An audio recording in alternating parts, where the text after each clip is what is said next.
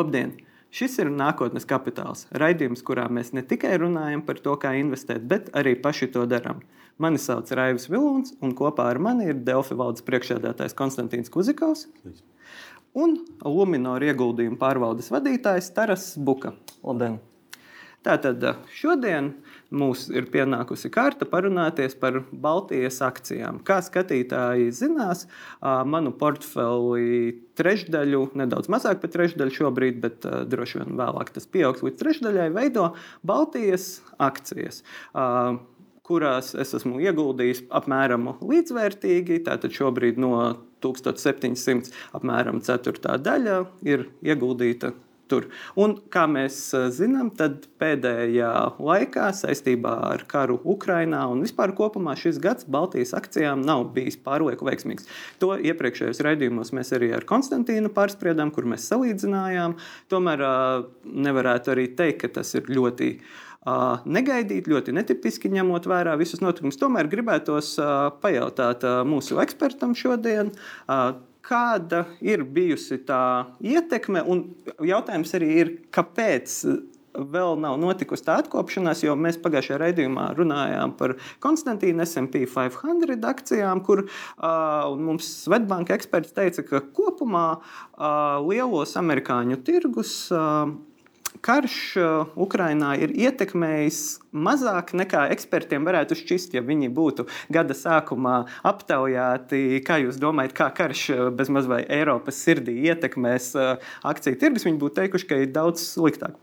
Tomēr Baltijas tirgu, kā mēs varam redzēt, tas kritiens, nu, kara pirmajās dienās, kas ļoti loģiski, jo tie bija visi akciju tirgi, bija šausmīgs.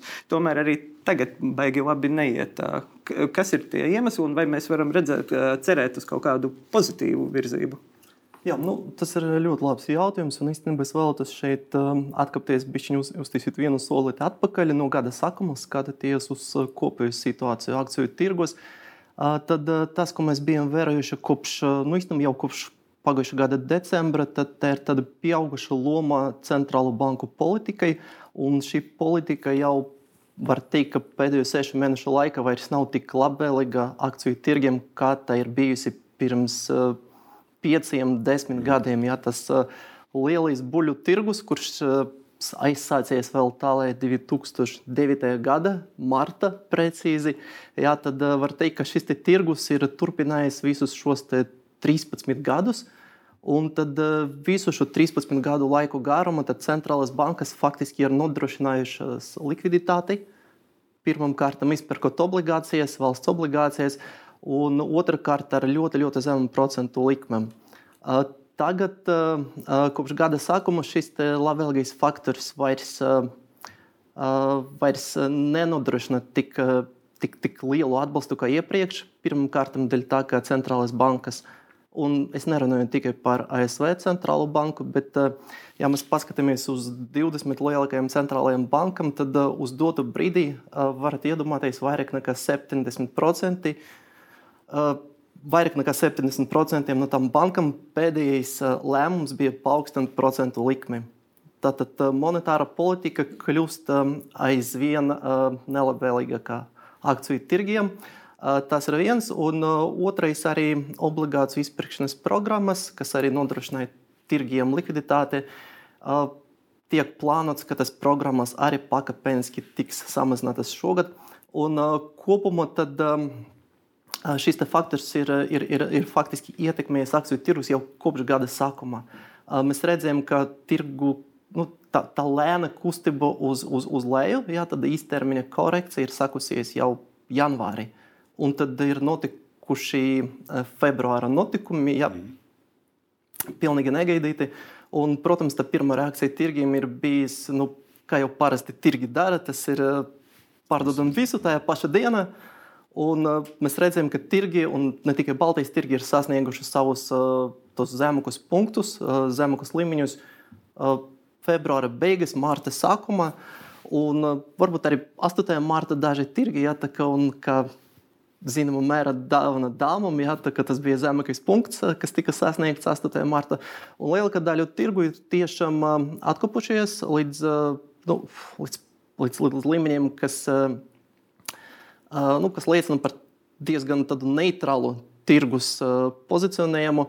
Un uz dotu brīdi, nu, tagad, tagad arī ņemot vērā vakardienas notikumus, tad tirgi ir īstenībā turpat pie tiem pašiem zemākiem līmeņiem.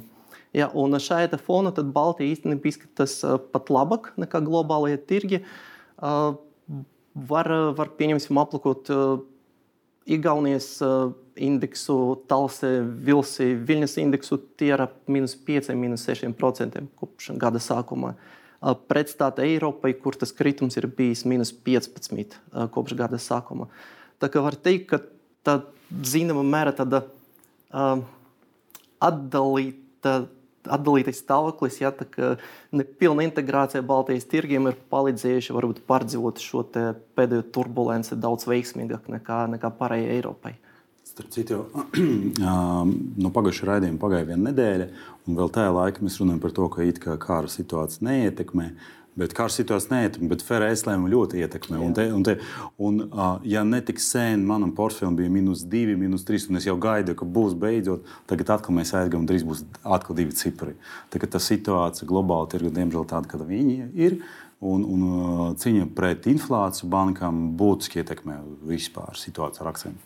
-hmm. Jā, un, uh tad vai mēs varam kaut ko prognozēt saistībā ar Baltijas tirgu? Bet, nu, protams, lai gan Baltijas tirgus ir, it, kā jūs minējāt, nedaudz atdalītāks, bet kopumā iekļaujas globālā ekonomikas sistēmā, ko, ko mēs varam prognozēt atlikušajam gadam. Vai, uh, mēs kaut kur virzīsimies prom no tiem zemajiem līmeņiem. Un, teiksim, jo, piemēram, iepriekšējos gados, ja mēs tā uz Baltijas tirgu skatījāmies, piemēram, kad es veidoju savu portfeli, es skatījos piecu gadu griezumā un tā tālāk, tas kāpums, vērtības pieaugums bija ļoti skaists. Nu, tīri tā skatoties uz grafiku, krietni pārspēja tur lielos indeksus un tā tālāk, ir Baltijas tirgus. Bet kas vai šogad tas turpināsies kaut kādā veidā, vai tomēr mums nu, Baltijas tirgus investoriem ir jādomā par to, ka, nu, ka ir beidzies labais laiks to iemeslu dēļ, ko jūs minējāt iepriekš. Jā, nu īstenībā runājot par prognozēm uz cik mums palika mazāk nekā 8 gadi, 8 mēneši šajā gada. Viennozīmīgs var teikt, ka ilgtermiņa pieredze ir tāda, ka ir daudz labāk būt par optimistiem tirgu nekā pesimistiem. Jā, tā, teiksim, tā ticība tirgus jā, un um, ekonomikas spēja atjaunoties un pārvarēt jebkuras krīzes ilgajā termiņā, tas noteikti attaisnojas. Un es domāju, ka, uh, ja mēs nepieturamies pie horizonta šīs gada līdz gada beigām, tad arī ilgajā termiņā nu, mēs redzēsim to, to, to kapumu. Viss ir ciklisks, jā, un tirgus atgriezīsies arī, arī, arī augšu pējušas tendences. Uh, Šogad eh, es varbūt eh, līdz gada beigām būtu konservatīvi noskaņots, ņemot vērā, ka tā nenoteiktība šobrīd ir, ir tomēr paaugstināta. Un, eh, ja ir kaut kas, kas nepatīk tirgiem, nu, tad tā ir, tā ir, tā ir tīra nenoteiktība. Ja, un ņemot vērā to, kas notiek pasaulē, nerunājot tikai par, par ekonomisku pusi, bet arī par ģeopolitisku pusi, tad jā, šobrīd var teikt, ka liela daļa investoru tomēr uzņemas nu, tādas uzgaidīšanas pozīcijas, ja, un, un gaidot, kam, kad tie mākoņi bišķiņi izkliedēs, ja, un kad tā situācija kļūs nedaudz, nedaudz skaidrāka. Jā, bet jā, īstenībā varbūt vēlaties piebilst, ja, ja mēs paskatāmies tieši uz, uz lēmumu pieņemšanu no tāda individuāla ieguldītāja skatu punkta, ja, tad faktiski ir jāapzinās, ka katram no mums ir tas divas es varbūt attiecu no globālas makro situācijas pie individuālajiem ieguldītājiem, tad mums ir būtiskas divas emocijas, ja, kas kā, ir apakšā jebkuram lēmumam, kuru mēs pieņemam. Un tas divas emocijas, pirmā ir, protams, bailes. Jā, tas ir bailes no tā, kas notiks, un otra ir cerības. Jā, un tad tajā brīdī, man, kad mēs pieņemam lēmumus par saviem ieguldījumiem, nu, manā skatījumā ir ļoti, ļoti svarīgi apzināties, kuras emocijas tajā brīdī dominē to lēmumu. Un, uh, parasti ir tā, ka jā, investors ir ieguldījis kāda uh, noteiktai akcijai, ja, un tajā akcijā mēs vērojam cenu kāpumu. Ja, ir investors ir nopelnījis plus 5, plus 10, plus 15. Interesanti, ka šajā brīdī tad, uh, uh, tā, tā pamata emocija, kas sāk dominēt, ir bailes. Ja, kaut vai īstenībā tajā brīdī uh, nu, jā, jāmēģina samainīt savu pieeju un, un, um, un, un um, drīzāk ne, tam, tam investoram nevis jābaidās no tā potenciāla krituma, ka viņa peļņa izzudīs, bet jācer, ka tas kāpums turpināsies. Un tieši otrādi šobrīd mēs esam tādā lejupslīdes posmā, un uh, mēs jau redzam kaut kādus noteiktus zaudējumus tam pozīcijām. Un tad šajā brīdī tā emocija, kas parasti dominē, ir cerības, ja, cerības ka situācija uzlabosies. Un šeit tad, katram faktiski ir, ir būtiski, es domāju, noteikt to savu tolerances līmeni pret to konkrētu ieguldījumu, cik daudz zaudējumus cilvēks ir gatavs tolerēt. Jo palielināt tā cerība liks gaidīt, gaidīt, gaidīt un gaidīt. Jā. Un, ja tas horizonts ir pietiekami ilgs, tas ir ok. Jā, tas ir pilnīgi ok. Mēs varam izsēdēt to korekciju un, un, un sagaidīt kāpumu. Uh, bet nu, dažreiz var gadīties, tā, ka cilvēks ir gatavs to darīt. Bet, uh, pašā nelabvēlīgajā brīdī, ja, kad tas kritums jau sasniedz to tolerances līmeni tam konkrētajam cilvēkam, viņš tajā brīdī pārdod. Un uh, tas ilgais termiņš beidzas tajā brīdī. Ja, tāpēc ir ļoti būtiski apzināties, nu, kur mēs esam pirmkārt attiecībā uz savām emocijām, un otrkārt attiecībā uz, uz, to, uz to savu iekšējo riska toleranci. Bet, ja mēs nerunājam par savām emocijām, ja mēs runājam par to, ko dara tagad nu, Warren Buffets un, un pārējie. Mēs zinām par to, ka Warren Buffets vairākus gadus sēdēja un visi teica, nu, cik daudz kešu viņam savā. Jā. Un tagad, kad visi tagad nervozē, viņš pērk vienu pēc otras, Jā. vienu darījumu. Vai šajā gadījumā kāda varētu būt tāda tips un trīks, tā saucamie Baltijas tirgu? Jo ir Baltijas tirgus akcijas, kas krīt, ir kas stāv. Un tad šajā gadījumā, vai mēs Baltijas tirgu varam atrast uh, kaut kādas tādas maziņas lietas, kā ļoti stabili performē, un visticamāk, viņi arī augs. Ja mēs paņemsim pat jau uz tavu portfeli, NFIT stabili turās. NFITiem nekā nav. Madara kosmētikai es nebūtu tālāk tagad.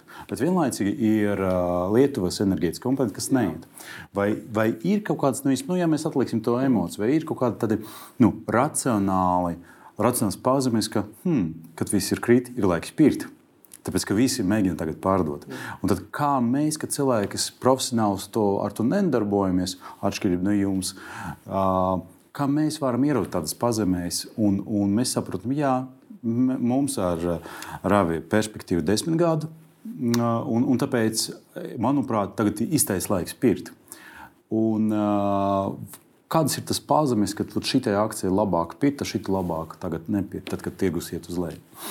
Jā, tas ir eh, ļoti labs piemērs, eh, pieminot Voronu Buffetu, jo uh, droši vien viens, uh, viņš ir viens no tiem investoriem, kur, uh, kur vislabāk var raksturot ar ilgtermiņa pieeju savām jā. investīcijām. Jā, tas ir tas uh, zelta etalons, pie kura var uh, tikties. Bet nu, jāsaprot, ka tas ceļš tomēr nebūs tik, tik, tik vienkāršs. Ja? Mm -hmm. Uh, no vienas puses var teikt, ka es ieguldu ilgajā termiņā, bet uh, tad katru dienu čekot un pārbaudīt, kā tad, uh, kādi ir rezultāti manam portfelim. Ja, un, nu, tā, tā, tā psiholoģijas atbilde ir tāda, ka jo retāk mēs pārbaudām to portfeli, jo labāk, jo labāk rezultātu beigas mēs arī sagustam. Mums tas, no, no... diemžēl, nespīd. Mēs nevaram pārbaudīt. Mums jāgatavo. Jā. Nu, es, es arī skatos rezultātus katru dienu. Kā, jā, es, es, es arī... jā, bet vienlaicīgi es saprotu, ka tad, es, es absolūti piekrītu. Īpaši tagad, tad, kad es redzēju, ka visā atnāca atpakaļ un atkal nokrīta, tas, tas ir skaidrs. Bet kā mēs varam saprast, ka Piemēram, Igaunijas uzņēmuma veicas drusku labāk nekā Latvijas uzņēmuma, un ir laiks viņu nopirkt. Vai ir kaut kādas tādas lietiņas, kas, kas, kas mums palīdzēs ieraudzīt to tendenci, ka ok, jā, uzņēmumi ir tās, tās un tās. Tad visticamāk, mums ir pareizāk uz kritušu mm -hmm. tirgu viņu nopirkt. Vai īstenībā tas nav iespējams tagad prognozēt? Tāpēc, ka nekas nav, nenoteiktība ir ļoti liela. Jā, šeit, šeit tā, tā viennozīmīga atbilde noteikti nav par pareizu brīdi, jo, mm -hmm. nu, būsim godīgi, tas ir gandrīz, nu, tas ir ļoti grūti paķert to brīdi, kad uh, akcijas cena ir sasniegusi savu zemāko līmeni. Jā, tas nav iespējams. Uh, bet, ja mēs runājam par to brīdi ap to, to apakšējo punktu šajā brīdī, tad uh, pirmkārt, ja mēs skatāmies uz akcijiem tīri fundamentāli, mēs skatāmies, kāds ir biznesa tam uzņēmumam. Jā. Jā, ja mēs uh, uzskatām, ka tas perspektīvas uzņēmumam ir pietiekoši labas, pietiekoši optimistiskas. Tas ir viens plusiņš tam uzņēmumam. Otrais, mēs skatāmies uz fundamentāliem radītājiem, vai tā cena, kuru mēs samaksāsim, ir nu, teiksim, pamatota, vai šajā konkrētajā brīdī arī pēc tā krituma tas uzņēmums gadījumā nav pārvērtēts. Ja mēs... Vai visi šie fundamentālie radītāji strādā tad, kad ir ģeopolitiska neskaidrība, centrālās bankas samazina, palielina likmes, vēl tur, vēl, vēl, vēl tur kaut kas. Vai tas viss darbojas tagad? Vai mums, principā, šajos apstākļos ir jāsaprot, ka ok, atliekam visas fundamentālas zināšanas un tad čuhņus un poņa.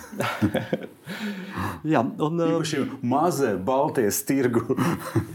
nu, te, te, te atkal tā atbilde ir ļoti atkarīga no katra individuāla cilvēka. Jo, uh, ja mēs ieguldām uz vienu gadu, tad eh, jā, tā nenoteikti, bet tā ir mhm. milzīga loma. 12, gadu, 12 mēnešu garumā, ja mēs ieguldām uz tiem pašiem pieciem gadiem, kā Raivim ir izveidojis portfelis, tad nu, droši vien tie apsvērumi, tie fundamentāli, viņi nospēlē savu Jā. lomu okay. piecu gadu garumā.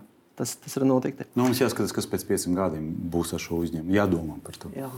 Un, eh, un varbūt arī trešā komponente, tad, eh, ja, ja pirmā komponente ir pirmkārt Tas, tas ir uh, uzņēmuma perspektīvas, viņa fundamentālais novērtētības līmenis. Bet uh, uh, trešais, un tas ir ļoti subjektīvs, teiktu, ka tā tehniska aina, uh, tehniski kā izskatās, uh, uh, tā tendence, tas arī ir trešā, trešā būtiska komponente tam lēmumam pirkt.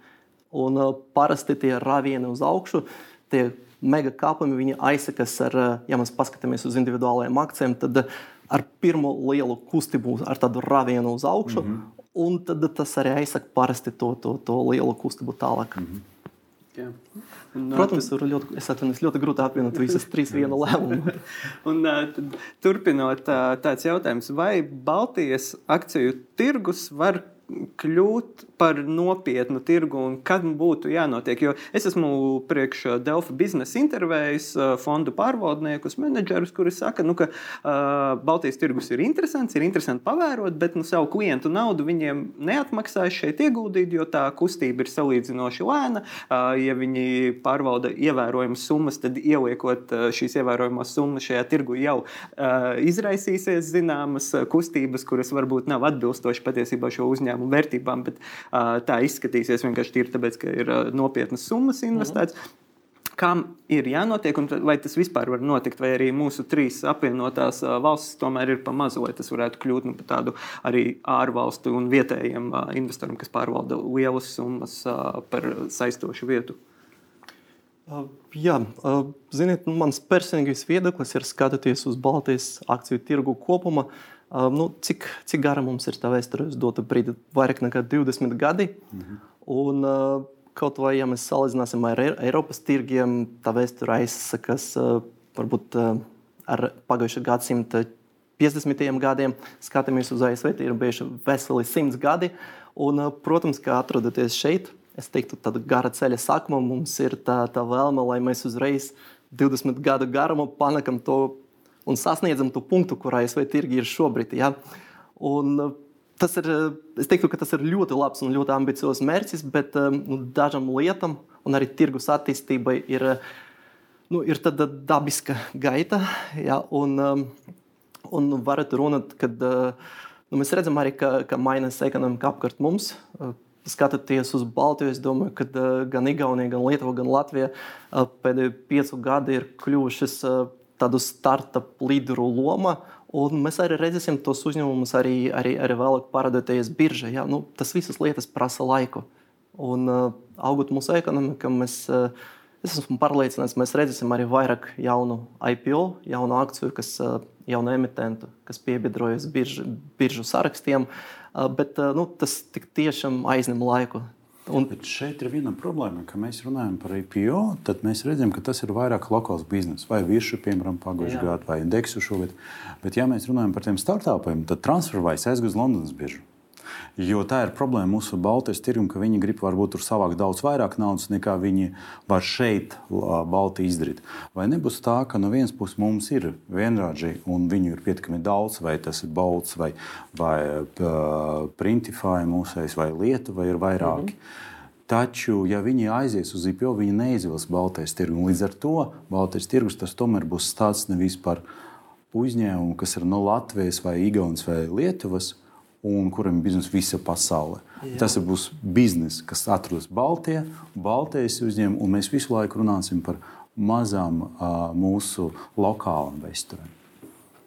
Jā, tiešām, jebkurš emitents veicat to lēmumu par izvēlēties biržu, kur veikt listingu, ja viņam ir vairākas izvēles. Mm -hmm. un, un, un tas, tas, tas biržas uh, izvēle ir ļoti atkarīga arī no emitenta plāniem. Ja, piesaistīt, uh, cik daudz viņš plāno piesaistīt. Mm -hmm. Un viens no risinājumiem ir īstenībā tāds duālais listings, uh, ko mm -hmm. izvēlas vairāki emitenti. Kad, uh, mēs zinām, ka kāds vietējais emitents, viņš uh, apzinās, ka vietējā tirgu varbūt ir noteikti tie griezti, virs kuriem viņš nes, Jā. vairs nebūs spējīgs savākt to naudu, nu tad tā loģiska izvēle ir, ir aiziet uz ārzemju biržam, un, kur viņš var piesaistīt vairāk, bet vienmēr paliek tā opcija veikt to dual, to, to dual listingu.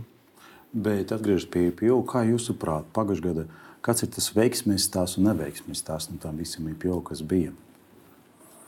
Skatoties atpakaļ uz pagājušā gada, nu man Tā kā, tā kā no, no manas skatu punkta man tiešām bija prieks redzēt, ka virši uh, iet birža. Un, uh, pie kam uh, tā intereses, es saprotu, arī bijusi pietiekoši liela arī no, no Latvijas uh, ieguldītājiem. Un, uh, nu, jā, tas, ir, tas ir viens solis mūsu tirgus attīstībai, un uh, es ļoti, ļoti ceru, ka uh, aiz virsmas sekos arī, arī nākamie emitenti, kuri spēs uh, piesaistīt. Arī lielāku uzmanību un arī lielāku interesi no Latvijas ieguldītājiem.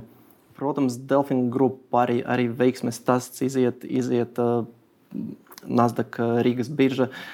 Un, uh, Jā, varbūt uh, vēl viens. Ja tur nebija tik liela ažiotāža, un manuprāt, tās akcijas vēl pagājušajā gadā uzreiz pietiekami būtiski nokrita. Vismaz viņi nekru, nekru, bet viņi neauga. Tad, kad viņi vispār, neauga, jo, ja pēc virsiem vai pēc NFIT vispār, kas tur notiek, ka Igaunija ārprāts, tur ierobežoja, cik cilvēki var nopirkt.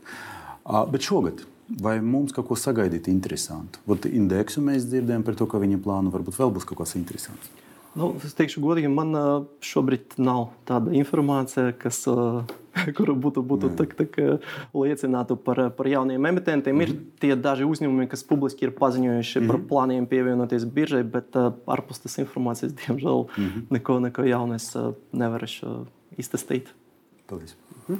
Jā, un, uh, mēs jau gan tam pieskārāmies, un uh, jūs arī minējāt, ka savā ziņā mūsu Baltijas tirgus ir mazliet atdalītāks. Bet uh, cik lielā mērā to lielie tirgi atspoguļojas uz mūsu? Jo, nu, man, man tā sajūta, un tāpēc, ka es šogad izveidoju šo portfeli un sāku aktīvāk interesēties, man ir tāda sajūta, ka mēs apmēram ar nedēļu, nu, ja neskaita, protams, mm. karu Ukrainā vai kaut kādus nu, tādus milzīgus notikumus, tad mēs, uh, tas, kas notiek Baltijas tirgu, ir pēc nedēļu vēlāk tāda kā atbalsts nu, no lielajiem, nu, teiksim, piemēram, nezinu, skatoties, skatoties to pašu SP 500 indeksu, ko mēs skatāmies Konstantīna portfeļa sakarā, tad tā sajūta ir tas, kas notiek SP 500, tad ir tā atbalsts, kas nedēļu pēc nedēļas parādās Baltijas tirgu pusmīnus, ja sākas kāpums, piemēram, nedēļas sākumā SP 500, tad pie piekdienas var redzēt, ka arī mana portfeļa akciju vērtība ir pacēlusies.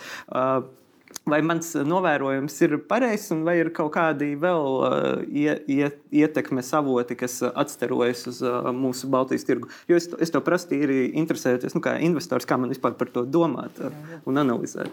Jā, es nesen, nesen biju pamēģinājis kvantificēt to, to, to novērojumu par to, cik tad, Baltijas tirgi ir atkarīgi mm -hmm. no uh, lielu tirgu kustībām. Un, tad, tas, pie kā es nonācu, ja mēs pamēģināsim izreikināt to klasisko rādītāju beta, ja, un tas ir faktiski tirgus risks pret lielu tirgu vai vienas akcijas risks pret lielu tirgu, tad interesanti, ka man, man sanāca, ka gan Latvijas tirgus, gan Igaunijas, gan Lietuvas tirgus, tiem tie rādītāji ir zemāk kā 0,5 pret, pret Eiropas akcijiem.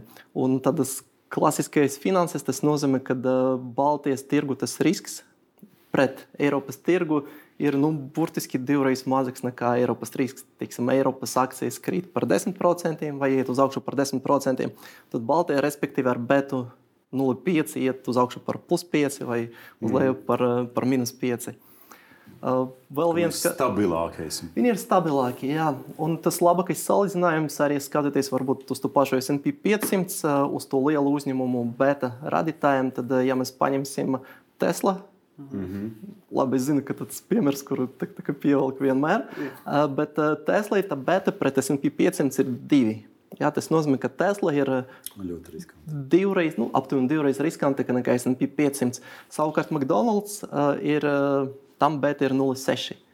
Ja, tad tad uh, McDonald's vidējais risks ir uh, nu, attiecīgi zemāks nekā SP 500 uh, vidējais risks. To starp citu, es tagad arī novērēju Coca-Cola. Kas nenotiktu? Akcijas Coca-Cola gandrīz nemainas.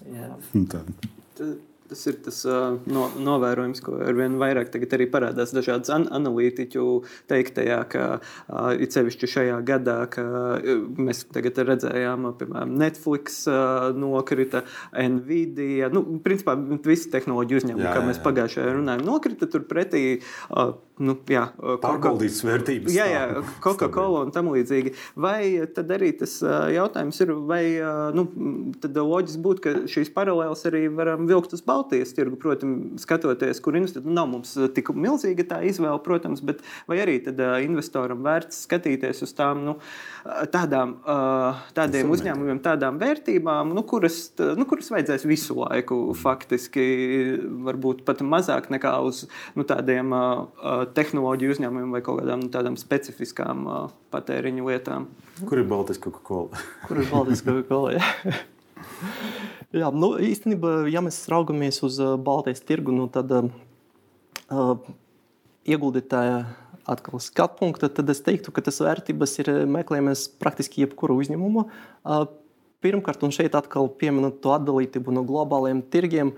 Nu, mēs neesam tik atkarīgi no uh, fondu plūsmām. Ja Baltijas portfeli, Baltijas akcijas nav pārstāvētas lielu fondu portfeļus, un līdz ar to globālie notikumi nu, neatstāja tādu, -hmm. tādu iespaidu uzreiz uz, uz, uz Baltijas tirgu dinamiku.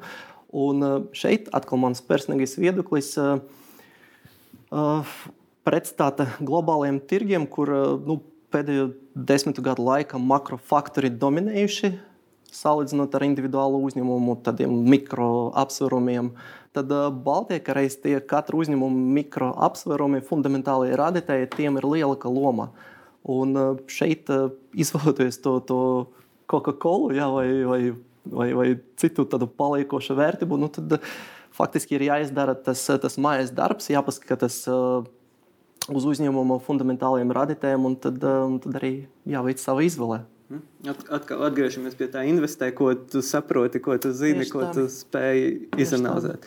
Un tad noslēgumā es vēlos pajautāt, nu, daudzi eksperti arī saka, nu, arī vietēji eksperti, nu, ka veidojot savu portfeli, nu, principā pilnībā paļauties tikai uz Baltijas tirgu, nu, varbūt tas nav gluži tas gudrākais uh, darbs, bet, uh, un, ja, piemēram, investoram gribas, uh, piemēram, kādam mūsu skatītājam gribas diversificēt, varbūt viņš līdzīgi man, varbūt kāds jau ir sācis kopēt, piemēram, manu portfeli un ir iegādājis Baltijas akcijas, tad mans jautājums ir, Kāda ir tā, nu, cik liels procents saprātīgi būtu Baltijas akcijas, cik uh, vajadzētu, piemēram, skatīties, uh, sākt kopēt Konstantīna portfeli un uh, kaut kāds cits, kā, kā veidot uh, to? Respektīvi, jautājums ir, kā pareizi pieiet nu, diversificēta portfeļa izveidei. Mm -hmm. Jā, šeit, šeit es uzskatu, ka galvenais ir katram godīgi atbildēt priekš sevis, kāds ir viņa finansiālais stāvoklis pirmkārt. Uh, otrakārt, uh, uz cik ilgu termiņu tad, uh, cilvēks ir gatavs investēt to naudu. Un, uh, ir arī ļoti, ļoti būtiski apzināties, ka, uh, cik daudz laika cilvēks ir gatavs tērēt šim portfelim. Ja cilvēks ir gatavs tērēt uh, pietiekuši daudz laika, nu, kas, nu, tas laiks ir mēram stundas, tad noteikti ir vērts turēt lielāku daļu no Baltijas akcijiem portfeli un uh, pētīt ar mērķi izvēlēties tos, tos, uh, tos labākos uzņēmumus un tas perspektīvas akcijas. Uh, ja cilvēkam tas laiks ir, ir pietiekoši ierobežots, tad droši vien tas pareizākā pieeja būtu lemt un skatīties uz globāli diversificētu portfeli, kurš atspoguļotu globālas akcijas kopumā ar uh, nedaudz zemāku Baltijas akcijas īpatsvaru, kur, nu, kurš, kurš neprasītu tik daudz laika monitorēt pēc, pēc iegādes un, un, un veikt rebalansēšanas darbības. Vienmēr sakot, investējam vairāk tur, kur mēs esam gatavi vairāk laika pēc tam tērēt, lai pētītu to visu.